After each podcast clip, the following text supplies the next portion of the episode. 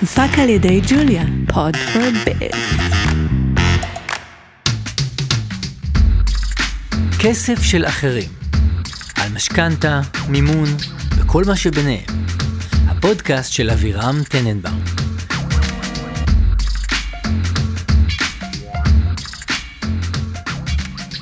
היי אורי, אהלן אבירם, מה שלומך? אני בסדר, אתה יודע, בהינתן, כן, מה איתך? כנ"ל. לאט לאט. חוזרים לפעילות ו- והקלטות ו- ועניינים. כן, כן, אה, פרק נוסף של כסף של אחרים, לא הקלטנו כבר כמעט אה, ארבעה חודשים, הייתה. הצטרפות של מקרים, אז נזכיר למי ש... שמאזין לנו, כסף של אחרים, הפודקאסט שלי, אני אבירם טננבאום, בעלים של חברת פרדס, ייעוץ פיננסי ומשכנתאות, מומחה למימון, ואיתי פה אורי רגב, וזה פרק אה, 38, אנחנו עוד מעט חוגגים אה, את ההגעה של הפודקאסט לגיל העמידה, למשבר גיל העמידה, לחלוטין. ו... והיום אנחנו בעצם אה, לכבוד הקיפאון או הפגרה המסוימת הזאת שלקחנו, אז אנחנו נעשה פרק שמחזיר את כולנו לעניינים, קצת על אה, מה קורה בשוק, עם המלחמה, שוק הנדל"ן, שוק המשכנתאות, אה, מה הדינמיקה היום, קצת הסתכלות קדימה, גם ברמה של לאן הריבית הולכת, לאן השוק הולך וכאלה, גם ניתן סקירה טובה ומעמיקה של טרנדים בתחום התמהילי משכנתה, מסלולים חדשים שפרצו לתודעה, מסלולים חדשים שהבנקים התחילו להציע. רגע, להתחיל להתרגש אה, פה? כאילו ממסלולים חדשים? להתחיל... ל- אה, אתה, הייתי בטוח שאתה כבר בשיא ההתרגשות, לא, לא ידעתי שאני? צריך לתת לך את הסימן. בנק מציע לי מסלול חדש, אני... חכה, אני הולך להחליף את החליפה, שנייה רגע. אני רק לא רוצה שת, שתתלהב יותר מדי, בוא נגיד בסוף הוא זה שמרוויח, כרגיל, לא אתה. לא, בסדר, זה, נתון, זה that's a given, אבל זה שהוא מציע לי מסלול חדש, אתה יודע, וואו. מסלול חדש, כן. לא, האמת שיש דברים מאוד מעניינים. אוקיי, אני מרגיש שמי שלוקח משכנתה היום, יש לו כלים מאוד מאוד טובים לבנות משכנתה איכותית בתנאים טובים, יותר ממה שהיה על השולחן אה, לפני כמה חודשים. זאת אומרת, יש איזושהי תזוזה מעניינת בשוק, אה, וזהו, ועל זה אנחנו נדבר היום. מצוין. אה, אתה רוצה להזכיר... אה, אה, ועוד דבר, עוד דבר, אני רוצה להזכיר את מה שרצית להזכיר לי להזכיר. בדיוק. וזה הניוזלטר שלנו. הניוזלטר של פרדס, להיכנס באתר, אה, יש שם אה, ככה אה, pop-up שמציע להירשם, ואם לא, אז בתחתית, בתחתית העמוד אפשר להירשם אה, לניוזלטר, תכנים מעניינים על השוק, תזכורות לפרקי פודקאסט אה, חדשים, שעכשיו אה, יחזרו להיות מוקלטים חדשות לבקרים, מדהים. ותירשמו.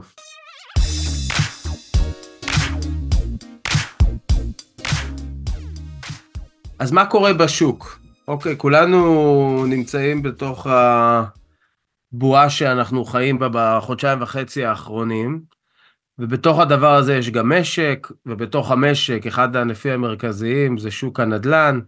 שוק הנדל"ן נכנס לא טוב למלחמה הזאת, אנחנו אחרי שנה וחצי של האטה בעקבות אה, עליית הריביות, כן. אה, ויחד עם המחירים הגבוהים נוצרה פה ממש אה, סטגנציה רצינית בשוק, מעט מאוד עסקאות, אה, כל חודש פרסמו בעיתונות הכלכלית אה, היקף העסקאות וכמה זה אה, נמוך ביחס למה שהתרגלנו לראות בשנים האחרונות.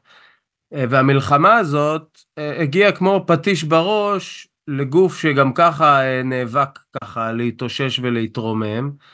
אה, אני חייב להגיד שברמה האישית, לי הייתה אינטואיציה, גם, גם שכלתנית, אבל גם משהו יותר אינטואיטיבי, ממש הייתה לי תחושה שאחרי החגים של שנת 23, השוק הולך להשתחרר מהקיפאון אה, ולצאת לדרך חדשה. זה לא אומר שהיינו נכנסים לראלי כמו שהיה לפני, אבל, אבל כן, זה היה מספיק זמן כדי שביקושים יצטברו. כן. אה, מצד אחד, וכדי שמי שחייב למכור כבר יתפשר וימכור מצד שני, אה, כי בסופו של דבר דיור זה מוצר צריכה בסיסי, יש אנשים שחייבים למכור כדי להתגלגל הלאה, או שהם התחייבו למכור, יש אנשים שחייבים לקנות כי הם השתחררו מהצבא, התחתנו, עשו ילדים, התגרשו לא עלינו, כל מיני דברים שגורמים לאנשים אה, להיות בפוזיציה שהם צריכים מקום לגור בו, זה צורך בסיסי, כן. יש גם גידול טבעי.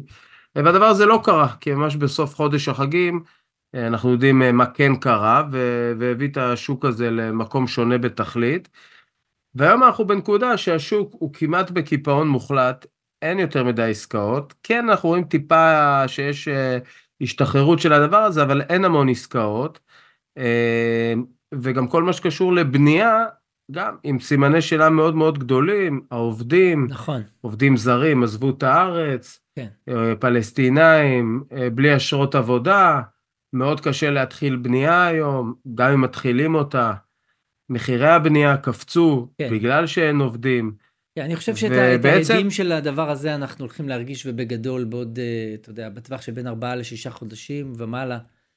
אה, נתחיל לראות כבר את, ה, את ההדים של העניין הזה, שבונים הרבה פחות בקצב יותר איטי, והעלויות בנייה הולכות ומתייקרות. תראה, הפסיקו לבנות בקצב, מרגע שהתחילה לעלות הריבית, ככל שהיא עלתה, קצב הבנייה ירד. כי עלויות המימון חנקו את היזמים. כן. זאת אומרת, הפורמט הזה של לקחת מימון גבוה, לקנות מגרש, לבנות, למכור, להתגלגל על מעט מאוד הון עצמי, כי הכסף זול והמימון הוא נגיש לכל, לכל דורש, זה כבר uh, הפסיק להיות רלוונטי לפני לא מעט זמן. עכשיו, ביתר סט, אבל uh, כן, אין ספק שאתה צודק, וזה שוב מביא אותנו לנקודה שבה אנחנו צריכים לבחון uh, מאיזה צד החבל נמשך יותר חזק. זאת אומרת, זה מאוד דומה למה שהיה בקורונה. בקורונה מה היה? היה הייתה סיטואציה שהשוק נעצר, לא להרבה זמן, אבל נכון. באותה נקודת זמן אי אפשר היה לדעת שהוא ישתחרר מהר. כן. והייתה ממש תהייה, האם עכשיו כולם יאבדו את העבודה בעקבות המגפה ותהיה איזה פאניקה עולמית ומחירי הנדל"ן יקרסו, והיה ממש טרנד, לדעתי חצי אם לא יותר מהנוגעים בדבר או מהאוכלוסייה, הייתה תחושה שהשוק הולך לרדת. או מצד שני, כאילו לא היה פה איזו הצדקה כלכלית באמת ל- לירידת מחירים, אה, נוצרו ביקושים עצורים, והתחושה הייתה שהשוק הולך להשתחרר כלפי מעלה. חייב להודות, באותה עת התחזית שלי הייתה מדויקת, אני חזיתי שהמחירים אה, יעלו. ועכשיו גם, אז יש מצד אחד את הביקושים העצורים, שזה חבל שנמתח כבר אה, לא מעט זמן, כמעט שנתיים. כמו שהזכרתי מקודם, מגורים זה צורך בסיסי, זה כמו לחם. אמנם לחם צריך לצרוך מדי יום ביומו, ואי אפשר אה, לדחות את, ה, את הרכישה. אבל גם נדל"ן בסופו של דבר בפרקי זמן יותר ארוכים זה צורך בסיסי, יש גידול טבעי של אוכלוסייה. כל יום נוצרות עוד משפחות, נוצרים עוד משקי בית, כמו שציינתי מקודם, מכל מיני סיבות, חלקן כן. יותר טובות, חלקן פחות טובות. בסוף אנשים צריכים לגור.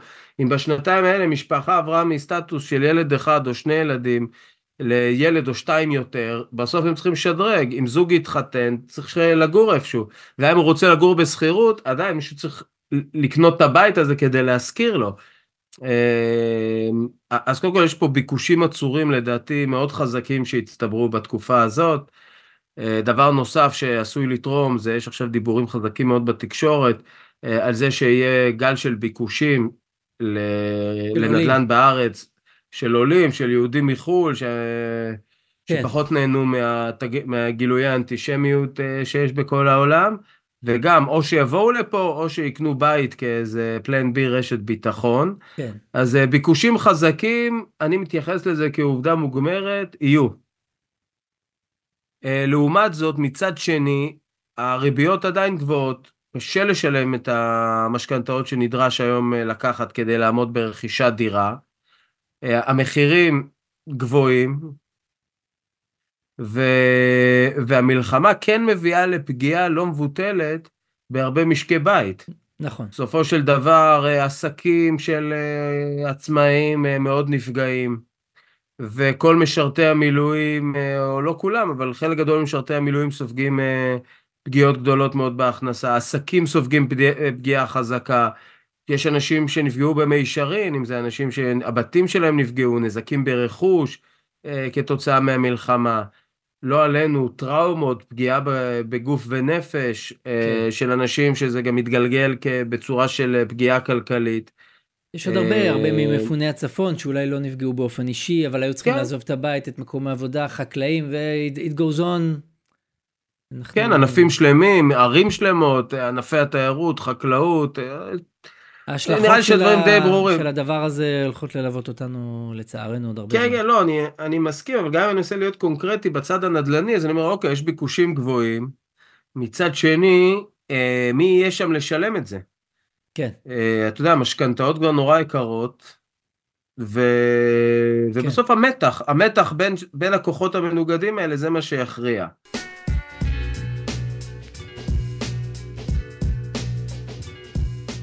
אז בעצם אלה הכוחות המנוגדים שפועלים על השוק מכל מיני כיוונים. כרגע אנחנו עדיין בתוך האירוע, כן. ולכן קשה קצת להבין לאן זה הולך. אני מניח שתוך חודש, חודשיים, שלושה נקבל אינדיקציות יותר טובות. אה, אבל כן, זה יכול להיות מעליית מחירים מסוימת, כנראה לא היסטרית, לירידת מחירים מסוימת, כנראה לא היסטרית. אני לא רואה טווח מאוד רחב של, אה, של אפשרויות פה אה, בנקודת הזמן הנוכחית. זה מה שקורה בשוק הנדל"ן, ומן הסתם שוק המשכנתאות הוא נגזרת ישירה של מה שקורה בשוק הנדל"ן. כן. Uh, רוב המכריע של המשכנתאות ש... שנלקחות בשוק נלקחות uh, כאגב רכישת דירה. יש כל מיני משכנתאות אחרות, מחזורים, כל מטרה, לא אומר, אבל, כן, אבל זה שולי, בגדול, ברור. הרוב... זה שולי, מה שמניע את השוק זה הרכישה, גם המחזורים, צריכים, צריך משהו למחזר אותו, בדרך כלל זה נובע מאיזשהו מומנטום של, אה, של עסקאות. אז שוק כן. המשכנתאות חלש מאוד, היקפי המשכנתאות הם אה, היקפים מאוד נמוכים, הבנקים מוצאים את עצמם בפוזיציה לא נוחה. אני רק פותח פה סוגריים, אנחנו לא נתאבל על רווחי הבנקים אה, בפודקאסט הזה. נשתדל שלא. אבל, כן, אבל בענף המשכנתאות אה, הם לא מוצאים את עצמם בפוזיציה מאוד נוחה, הם הגדילו מאוד את מצבת כוח האדם. אה, ב-21, נכון. ואז השוק אה, התקרר. כן. אה, אבל בסדר, שוב. יפה. עדיין, תמיד יש להם שנים יפות. זה כמו הבית תמיד מרוויח, מה שנקרא. זה לגבי השוק. אני חושב שאין יותר מה להכביר, כי באמת, כמו שאמרתי מקודם, אנחנו עדיין בתוך האירוע, ו...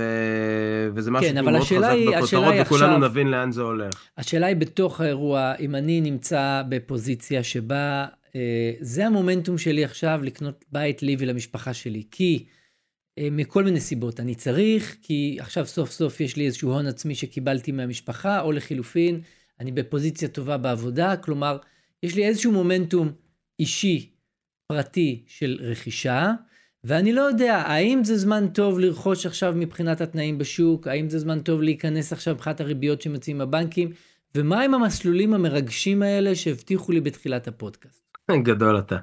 אז אה, קודם כל, הסיטואציה הסובייקטיבית שלך היא באמת סובייקטיבית, וצריך להבין אותה לעומק. היא של מישהו אה, סובייקטיבית, לא, של, לא שלי באופן סובייקטיבי. לא, לא, אתה כ...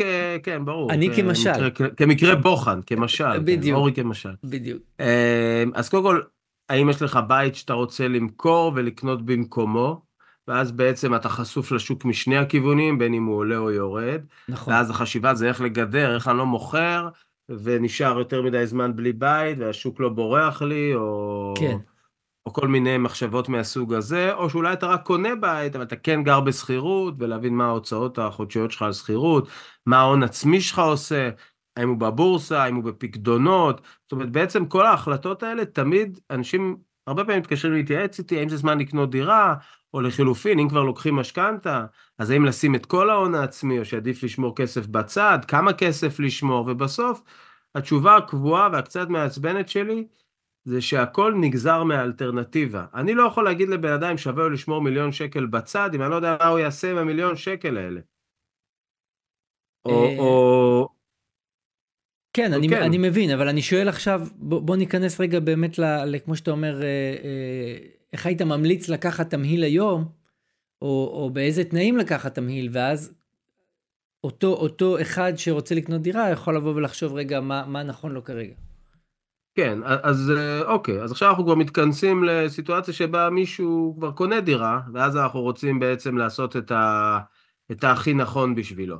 אז בואו נדבר קצת על אה, מסלולי משכנתה, נרוץ מהר מהר, יש מספיק פרקים שעשינו על, אה, על מסלולי משכנתה ועל תמילים. אה, מה שלדעתי מאוד רלוונטי בתקופה הנוכחית, א', יש כרגיל את המסלולים של הריביות הקבועות, קבועה צמודה, קבועה לא צמודה, שתיהן רלוונטיות היום. אוקיי. אה, ככל שאנחנו רואים את המדד יורד, אז הצמודות חוזרות להיות רלוונטיות, האם המדד באמת ימשיך לרדת או יעלה, אנחנו לא יודעים, אבל נכון להיום זה מסלול שחזר להיות רלוונטי. מל"צ, לדעתי דיברנו עליו בהרחבה בפרק הקודם שנגענו בתמיד, ממש הגדרנו אותו ככוכב האירוע. תזכיר מה זה מל"צ? מל"צ, משתנה לא צמודה. משתנה, שהיא לא צמודה. זאת לא אומרת, לא בוא נתרגם, בוא נתרגם בגוף הסרט ונבחן כמה אנחנו זוכרים. תרגם לנו. הריבית משתנה, זאת אומרת שבפרקים של אולי שלושה חודשים, אולי חצי שנה, אולי חמש שנים, איזשהו פרק זמן מסוים, הריבית תשתנה, יש נקודות שינוי ריבית. היא לא צמודה למדד, כלומר גם אם עולים המחירים, כלומר מדד מחירי הצרכן, הריבית לא עולה איתם, ואם אתה ממחזר בנקודה שבה הריבית משתנה, אתה גם לא משלם קנס. שמע, אני מרגיש כל כך מיותר. מעולם לא הרגשתי כל כך מיותר. יס, yes, יס. Yes. כן, לגמרי יס, האמת שלגמרי יס. מדהים. אז כן, אז אחד לאחד מה שאמרת, יש נקודות uh, מוגדרות מראש שהריבית מתעדכנת, לא שלושה שישה חודשים, uh, בגדול זה עשר שנים, שבע שנים, חמש שנים, והחידושים הבאמת מרעננים והמרגשים, זה שבחודשים האחרונים uh, כמה בנקים, לא כולם, אבל כמה בנקים כבר התחילו לצאת עם, uh, עם מוצרים של מל"צ שהוא מתעדכן בתדירות גבוהה יותר. כל שנתיים, כל שלוש, אה, שזה היה צורך אקוטי בשוק. באמת היה צורך אקוטי, אנשים הבינו את הערך שבמסלול הזה. יפה. אבל עדיין קצת אה, חששו. אתה, אתה במצב לספר לנו איזה בנקים אלו, או שזה לא הפלטפורמה הנכונה לנקוב בשמות? למה לא? מה, אנחנו לא שומרים סודות. אז קודם כל אני אגיד שלפועלים יש מוצר כזה. יפה. לפועלים יש מוצר של משתנה כל שלוש שנים. שזה חוץ מהמשתנה כל חמש, שבע ועשר שהיו כן. מאז ומתמיד. כן. וגם uh, דיסקונט, גם דיסקונט uh, הביאו uh, מוצרים כאלה של משתנה כל שנתיים. וואו. כל שנתיים, חמש ועשר. שנתיים זה ממש יפה. כן, זה ממש יפה. ללאומי עדיין אין, וגם למזרחי טפחות יש משתנה לא צמודה כל שנתיים. ובעצם זה פתר צורך אקוטי בשוק, כי מצד אחד שוב, דיברנו על זה גם אז, אבל אני ארענן את הזיכרון, זה יוצר מוצר שהוא ממש יצור כלאיים בין הפריים, שהוא נותן לנו המון גמישות בפירעון ויכולת uh, ליהנות מסביבת ריבית יורדת, נכון. uh, בטווח זמן uh, מהיר, במידה והשוק ירד, לבין הקל"צ, שנותן לנו את הביטחון, את היציבות, ו, ושוב, זה נותן לנו בדיוק את הפתרון ביניים הזה, וזה נותן עוד גיוון מבחינת סל האפשרויות למי שלא רוצה לנעול את הדברים לחמש שנים שלמות, זה נותן איזושהי תקופת ביניים, וזה מוצר שבאמת פתח את השוק, זה כמו לפעמים שיש איזה דבר אחד קטן שצריך כדי לשחרר איזה צוואר בקבוק, אני מרגיש שזה מוצר שהיה מאוד מאוד נדרש, ולכן גם uh, כמעט כל הבנקים uh, הלכו והוציאו מוצר כזה, מפתיע אותי שללאומי עדיין אין, אבל אני מניח שהם ידביקו את הפער בקרוב. מה שכן יש ללאומי, וזה מסלול שאין לבנקים אחרים, שזה מסלול צמוד מקם. שזה גם מקם. בא להחליף את ה... כן, צמוד מקם. מקם זה מלווה קצר מועד, זה בעצם מכשיר בורסאי.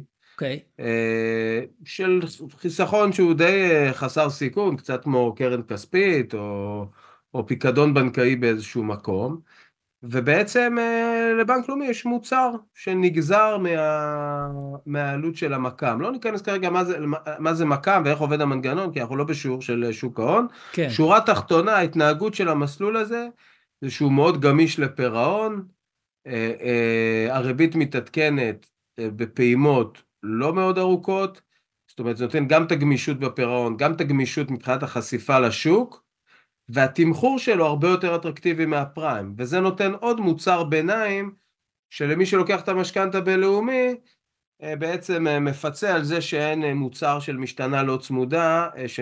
שמתעדכנת כן. אחת לשנתיים שלוש, יכול להגיד לך שהלקוחות שלנו, מק"מ זה כבר משהו ששילבנו לא מעט בתקופה האחרונה.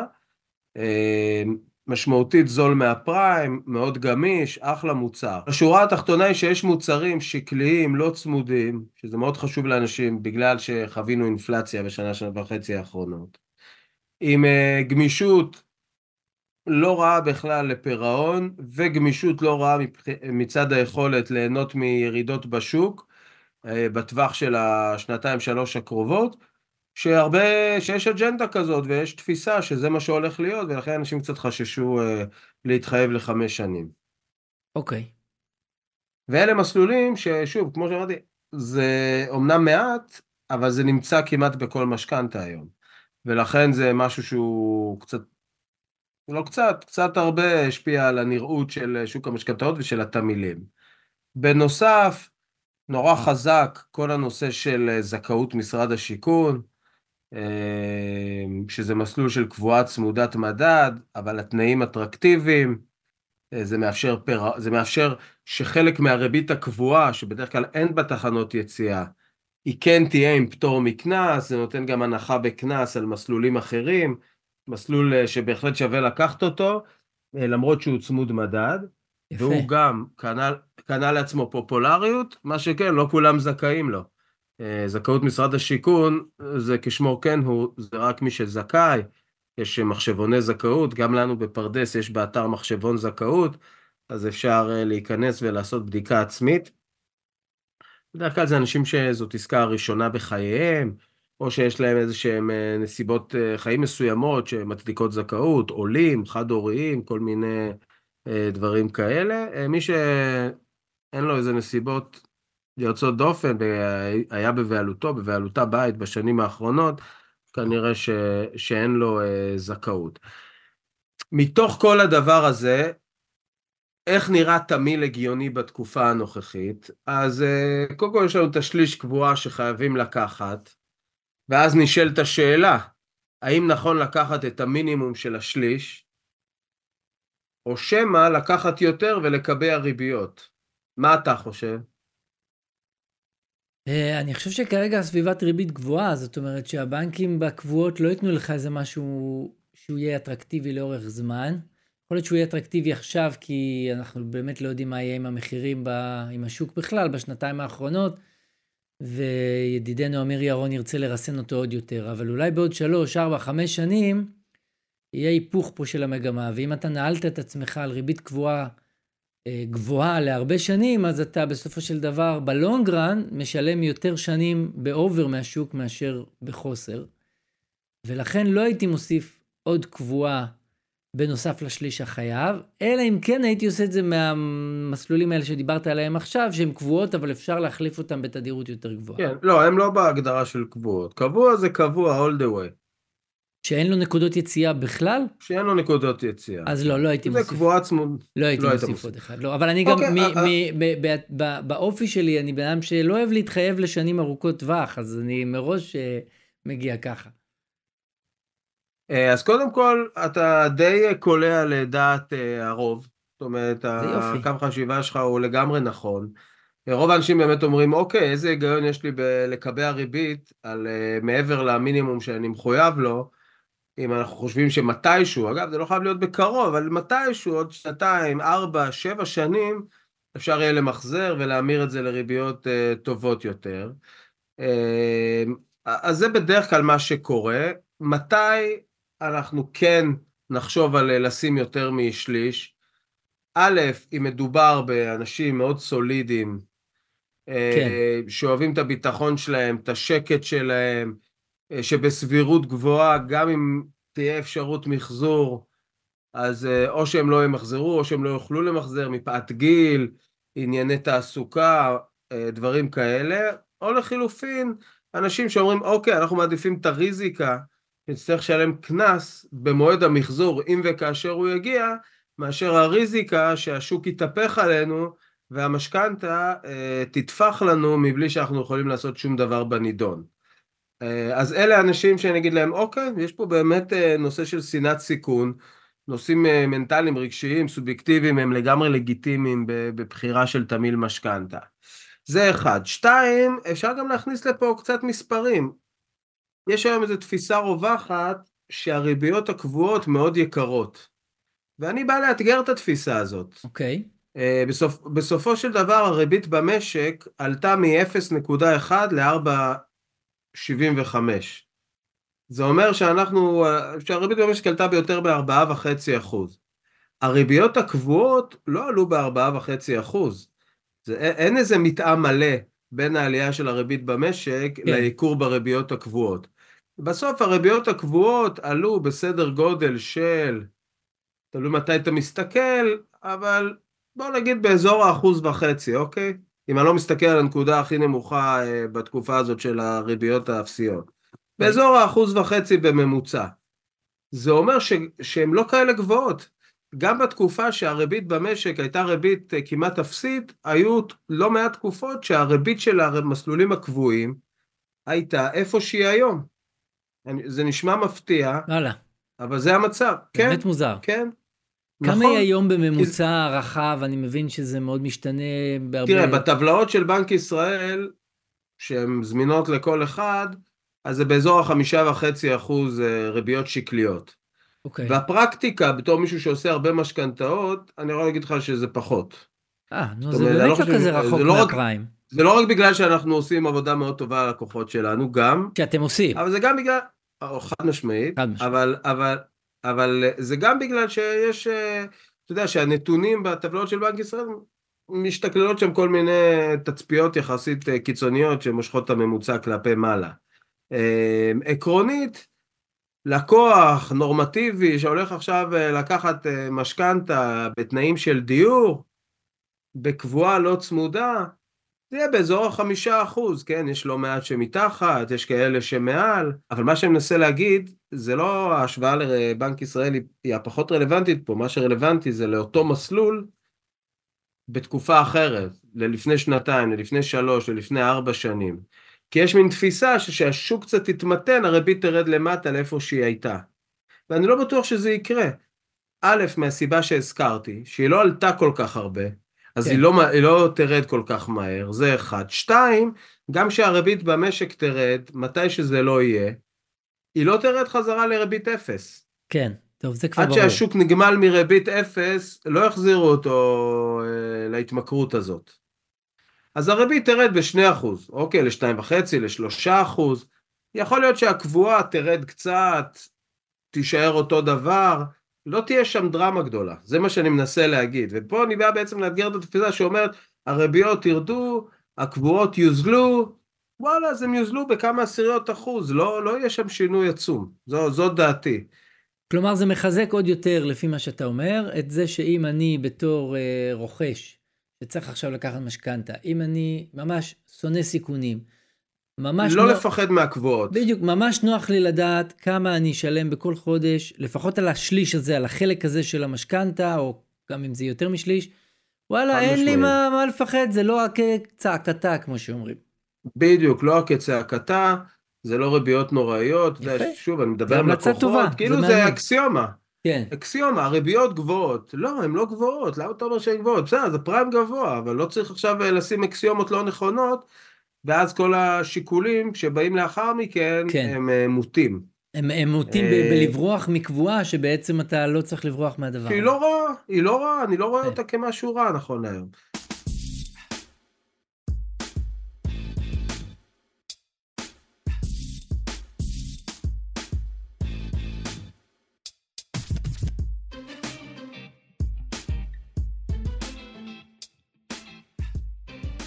אז זה אחד. עוד, עוד הנחת יסוד זה שהשוק הולך לרדת בקרוב. ועכשיו, כשהיה את המדד של דצמבר שהתפרסם, שהייתה ירידה מעבר למצופה, בתחילת המלחמה השקל קפץ, עכשיו הוא באמת uh, מתחזק, אבל זה עדיין הכל מאוד פלואידי. כן. אם השקל חוזר למגמת היחלשות, זה גורם אינפלציוני. אה, כל מה שקורה פה בשוק החקלאות, כל הירקות, זה שהענף הזה נפגע כל כך, זה גורם אינפלציוני, כן? העגבניה כנראה תתייקר מאוד, עגבניה כמשל. כן. אה, נדל"ן גם יכול ללכת לכיוון של התייקרות, אין עובדים, אין בתים. כן. יכול להיות שמחירי השכירות יעלו, כן? אני מזכיר שבמדד מה שנלקח בחשבון זה שכירות בתים ולא רכישת בתים. אז עכשיו יש לנו התקפות של ידידינו החות'ים, וזה יכול להוביל גם לייקור של עלויות השילוח, מה שהוא מהווה גם מוביל. גורם אינפלציוני. אז כל מקרה לגופו כמובן, אבל הקבועה, אלה השיקולים שצריך לקחת בחשבון. בואו נדבר קצת איזה סוג קבועה, צמודה או לא צמודה. אז אם זה קבועה צמודה שהיא הלוואת זכאות, משרד השיכון על הכיפאק, אני ממליץ לשלב גם. צריך לראות כן, כמה זכאות יש, גם זה לא, זה לא נתח מדי. גדול מהמשכנתה בדרך כלל, כאילו הם... תלוי, יש אנשים שזכאים להרבה. תלוי כמה ילדים, אחים, כל. אוקיי. מיני פרמטרים כאלה. זה יכול להיות גם 200 ו-300 אלף שקל, ו... וואו. וזה כבר סכום משמעותי. כן, לא. זה לא תמיד ה-70-80 או ה-100, הרבה פעמים זה סכומים יותר משמעותיים. לא מזמן היה לי לקוחה שהייתה עולה חדשה, ו... ולא לקחנו את כל הזכאות שהגיעה לה. וואלה, יפה. כי אמרנו, אוקיי, מגניב, נהנה מהאפסייד של הדבר הזה, אבל לא, לא נממש את הכל, לא רוצים את כל החשיפה לאינפלציה.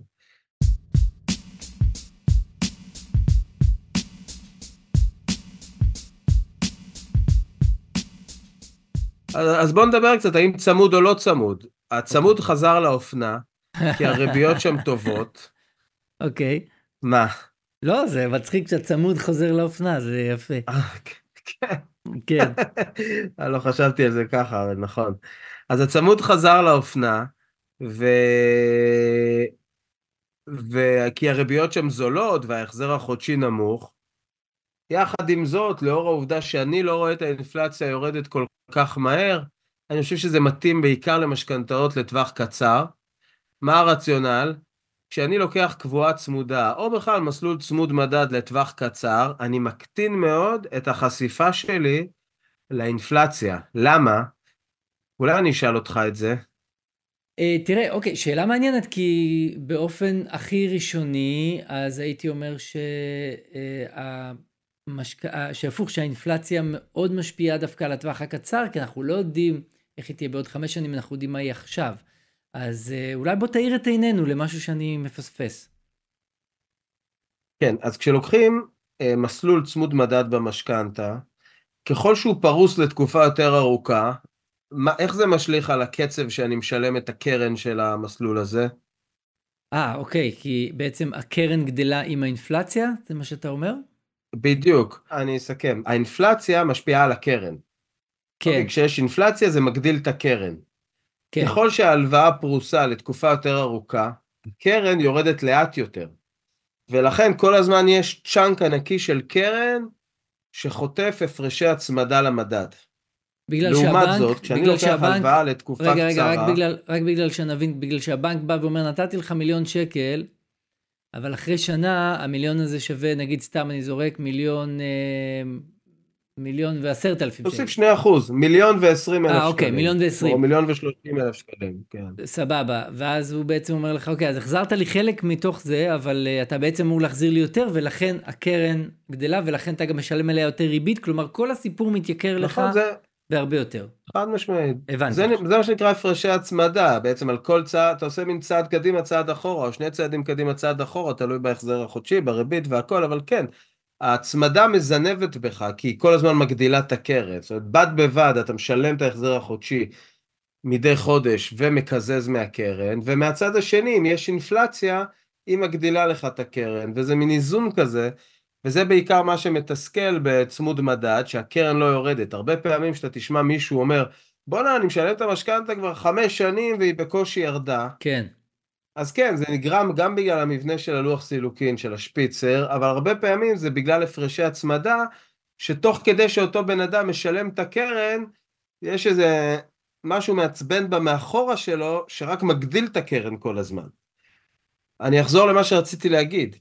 בעצם כשלוקחים צמודי מדד לתקופה קצרה, אז הקרן יורדת יחסית מהר. ובגלל שהקרן יורדת יחסית מהר, ההשפעה של האינפלציה על הקרן היא פחותה. ולכן ההמלצה שלי זה שצמודי מדד מתאימים למסלולי משכנתה שנלקחים מראש לתקופות קצרות, שבהם יש אה, אכילה יחסית מהירה של הקרן, ככל שהקרן משולמת ונאכלת מהר יותר, זה מקטין מאוד את ההשפעה של האינפלציה על ההגדלה של אותה קרן. כי היא נאכלת מהר. זה אחד. סיטואציה נוספת שמתאימה לצמודי מדד, זה אם יודעים שהמשכנתה לא תחיה הרבה זמן, אה, ואומרים אוקיי אני מוכן לספוג את ההפרשי הצמדה כי זה עושה לי החזר חודשי יותר נמוך. אני רוצה לעשות את ההבחנה בין השתיים.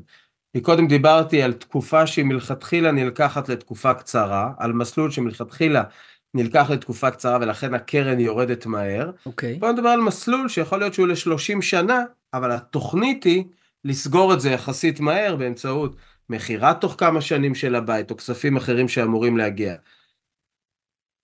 בשני המקרים מה שמשותף להם זה שאין חשיפה ארוכת טווח לאינפלציה, כי חשיפה ארוכת טווח לאינפלציה יכולה להיות הרסנית ויקרה. כן, אוקיי. הסיטואציה השלישית שבה מישהו ייקח צמוד מדד, זה סיטואציה שאין לו ברירה.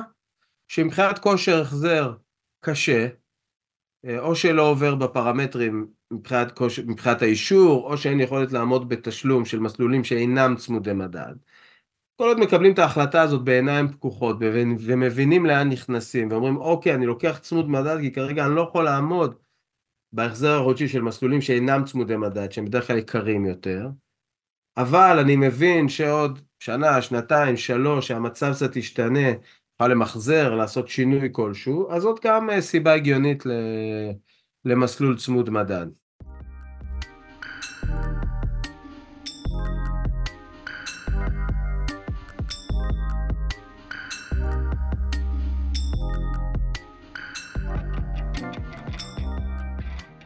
אז יש לנו את הריבית הקבועה, אה, ששוב, אני מדבר פה על מארג של שיקולים, אני לא אתן תמהיל אופטימלי, כי אני לא מאמין שיש דבר כזה תמהיל אופטימלי, זה מאוד אינדיבידואלי.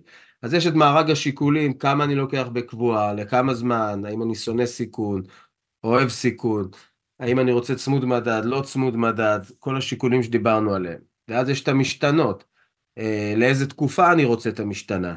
האם המשכנתה אה, אה, אמורה לחיות הרבה זמן, האם אני מתכן להחליף בית תוך כמה שנים, האם משתחררת לי קרן השתלמות, האם יש לי איזה כסף מסוים שאני חושב שאני אמור לקבל, ואולי מול זה אני אמור לעשות back to back אה, בהתאם לתחנת היציאה של המסלול משתנה, מה אני חושב שהולך לקרות לשוק, יעלה, ירד, אם אני חושב שהוא הולך לרדת מהר, אני ארצה תחנת יציאה קרובה יחסית. אם אני חושב שהולכות להיות פה עכשיו חמש שנים קשות, אני מעדיף לנעול את הכסף לחמש שנים בתנא, או לשבע שנים אה, ביציבות אה, גבוהה יותר, ולא אה, שעוד שנתיים זה יתעדכן מכלפי מעלה. כן. זה מערך השיקולים. מבחינת האם לקחת משתנה צמודה או לא צמודה, פה אני דווקא מרשה לעצמי כן להיות נחרץ, אין כל כך פואנטה במסלולים של משתנה צמודת מדד נכון להיום, התמחור שלה מאוד יקר, אם זה כבר לוקח את, אתה, כמובן, אני לפעמים מדבר בלשון זכר, אבל פונה פה לכל המינים, אה, רוצים לקחת משתנה, אה, עדיף שזה יהיה לא צמוד, כי התמחורים של המשתנה הצמודה הם לא אטרקטיביים, ואין באמת היגיון ב... בלקחת את החשיפה הזאת למדד, אנחנו לא מקבלים מזה שום, אה, שום ערך מוסף חזרה.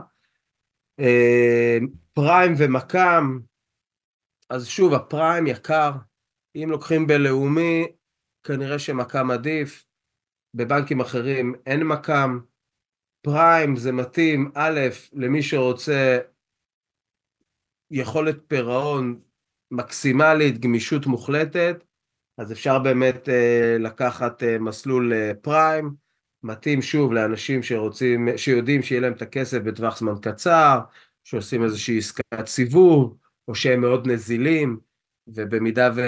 והשוק לא ילך לכיוון שהם חושבים שהוא ילך, אז יש להם יכולת להיפרע מההלוואה.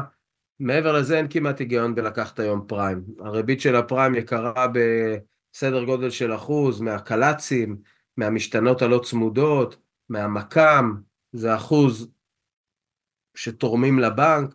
צריך לקחת כן. בחשבון כן. שכדי שישתלם לקחת פריים, אז לא, הפריים לא צריך רק לרדת באחוז, הוא צריך לרדת באחוז, ואז להמשיך לרדת עוד יותר, כדי שהוא יהפוך להיות יותר זול מהמסלולים האחרים. וזה בהנחה שהם גם לא יורדים בזמן הזה. אה, ולכן יש עוד כן. טווח ירידה משמעותי שהפריים צריך לעבור, לפני שהוא בכלל יגיע לנקודה שהוא משתווה אליהם. כלומר זה לאופטימים לא חסרי לא תקנה. או לגמישים חסרי תקנה. או לגמישים חסרי תקנה, כן. כן. אה, זהו, זה, זה ככה מערך השיקולים, במשפט אחד על צמודי מטח. אה, שוק המטח הוא מאוד מאוד ספקולטיבי, מה שקורה לשקל באמת קשה מאוד להבין לאן זה הולך, אה, זה מאוד תלוי באיך תיגמר המלחמה ולאן הולך המשק בישראל. מי שלא חייב ואין לו שיקולים מאוד מאוד אה, חזקים והגיוניים לשלב צמודי מטח במשכנתה שלו, אני מציע פחות לשחק עם זה, לא חושב שמשכנתאות זה מקום ל... למשחקים ספקולטיביים. אוקיי, okay, יפה. בהחלט חומר מעניין למחשבה לכל מי שכרגע צריך לעשות איזשהו מוב בעולם הזה של מימון. Uh, אני חושב שדי נתנו סקירה מקיפה של מערך השיקולים uh, שבאים לבנות תמיל. שוב, חשוב לי להגיד שכשתמיל משכנתה זה משהו מאוד אינדיבידואלי, גם מבחינת הנסיבות, גם מבחינת סוג העסקה, גם מבחינת האופי, ו... ומה שהיה חשוב לי לתת זה יתרונות חסרונות של המסלולים, ואיך צריך לגשת אליהם, ול, ולמה הם מתאימים או פחות מתאימים, ולא עכשיו לבוא לתת איזה שליש שליש שליש, או, או חצי חצי כזה גנרי לכולם, כי אני ממש ממש לא מאמין בזה. אני מקווה ש, שזה היה מספיק ברור. כמובן שמי שרוצה ממש מוזמן uh, לפנות אלינו לפרדס, אפשר דרך האתר, דרך הפייסבוק, uh, דרך הטלפון, ממש בשמחה רבה נשמח לעזור. בפרק הבא שיעלה לא עוד הרבה זמן, אני אדבר על מחזורי משכנתה, אני חושב שזה נושא חם חם לוהט, אה, יש הרבה מחזורים, אה, אני אתן רק טיזר קטן, עד לא מזמן רוב המחזורים, בגלל שהשוק היה יותר יקר יחסית, היו בעיקר להורדת החזר חודשי, רואים עכשיו איזה מגמה של ירידת ריביות, אני חושב שזה מכניס הרבה אנשים ללופ של אה, כדאיות של מחזור משכנתה, ועל זה אני הולך לדבר בהרחבה בפרק הבא. יאללה, מצוין, אני מחכה. אתה תהיה. מעולה. תודה רבה. יאללה, תודה אורי. ביי, יום טוב. ביי, להתראות.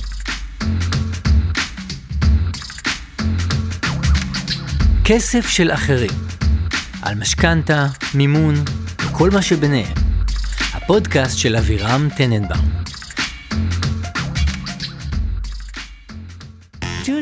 Pod for Biz.